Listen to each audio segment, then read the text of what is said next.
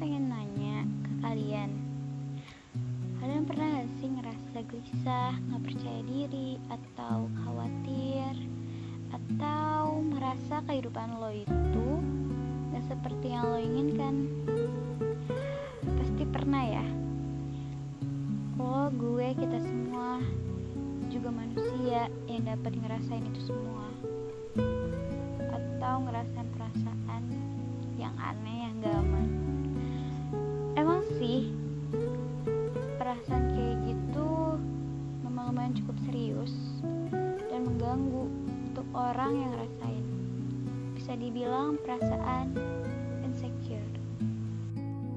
Hmm, insecure. Insecure menurut gue adalah rasa nggak percaya diri atau nggak pede sama fisik sendiri. Termasuk gue. Gue insecure banget sama yang namanya fisik. Tapi di sini gue heran sama orang di luar sana yang ngatain fisik seseorang. Mereka nggak tahu perjuangan kita yang kayak apa. Dan dibalik orang-orang kayak gue, itu juga punya kelebihan. Kita tuh sebenarnya nggak bisa ngestop orang itu buat insecure. Kayak kita tuh sering bilang, duh, kok orang bisa kayak gitu sih? Kok gue nggak bisa ya? Insecure itu ada tanpa kita sadari dan gak bisa kita hindari. Dan insecure ini bisa ada di mana aja. Kayak misalnya buka sosial media terus lihat ada yang cantik atau ganteng. Pasti kita kayak merasa bahwa kita kurang dari itu. Kita tuh merasa harus seperti itu. Kalau lo pengen jadi orang lain, sama aja kayak lo gak ada di dunia ini. Menurut gue, banyak orang yang selalu melihat orang lain yang lebih darinya, tapi mereka nggak tahu bahwa orang yang dibandingkannya itu mempunyai kekurangan.